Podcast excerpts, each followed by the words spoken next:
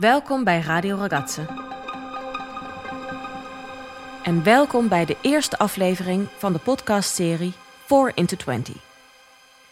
Gemaakt door componist Garth Knox, die composer in residence was bij September met 2021, en het Ragazze Quartet.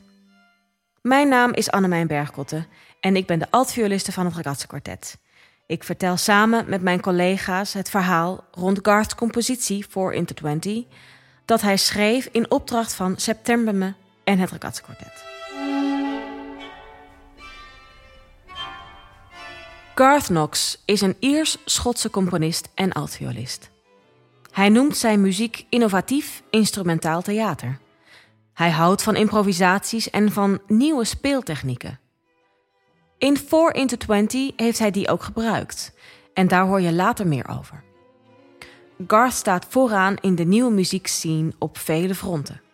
Op het festival September in 2021 in Amersfoort was hij zelf bij de uitvoering van zijn stuk 4 into 20 en figureerde zijn muziek en hijzelf in een podcastwandeling door Theater Flint, waar het festival plaatsvindt.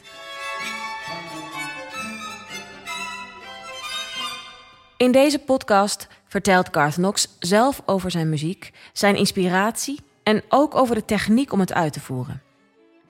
Wij van het Ragazze Quartet, Rosa, Janita, Rebecca en ik, Annemijn, vertellen over de opdracht aan Garth en over het uitvoeren van 4 into 20. 4 in 20. Een kwartet in de jaren 20. De Roaring Twenties van nu en die van een eeuw geleden. Vier delen van dit stuk.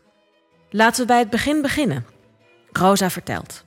Wij hebben aan Garth gevraagd: wil jij een stuk voor ons schrijven? We gaan een programma spelen dat gaat over de jaren 20 van vorige eeuw met muziek uit die tijd.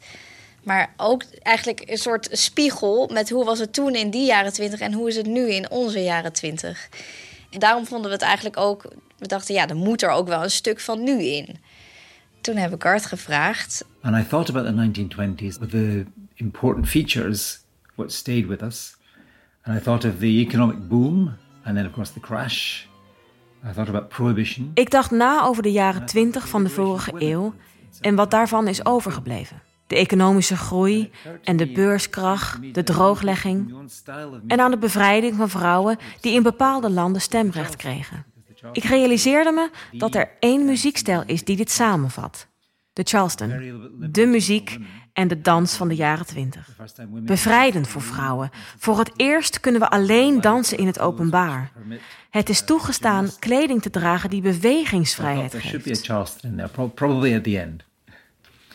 Then I thought that about the general form, it would be interesting that the quartet should start very much as a unit. Toen dacht ik na over de algehele vorm. Het kwartet zou moeten beginnen als een hechte eenheid, als een kwartet, samen spelend als groep. En als het stuk verder gaat, zou het open kunnen breken en zou je de individuele muzici kunnen zien. Dus ik dacht, ook op het podium moeten ze uit elkaar bewegen. Vrij en weer samenkomen op het laatst. Als individuen die vol overgave bijdragen aan het harmonieuze geheel. Dat werden voor mij de grote lijnen van het stuk. As a kind of choice, so that they would be at the same time individuals and very happily contributing to a harmonious whole. So this gave me the overall shape for the piece. Ja, de verschillende delen die hij heeft geschreven. Het is eigenlijk steeds een verschillend onderwerp wat hij uh, aanstipt. Uh, en dat doet hij op zijn eigen creatieve manier met allerlei rare uh, acrobatische trucs moeten we uithalen om uh, dat stuk voor elkaar te krijgen.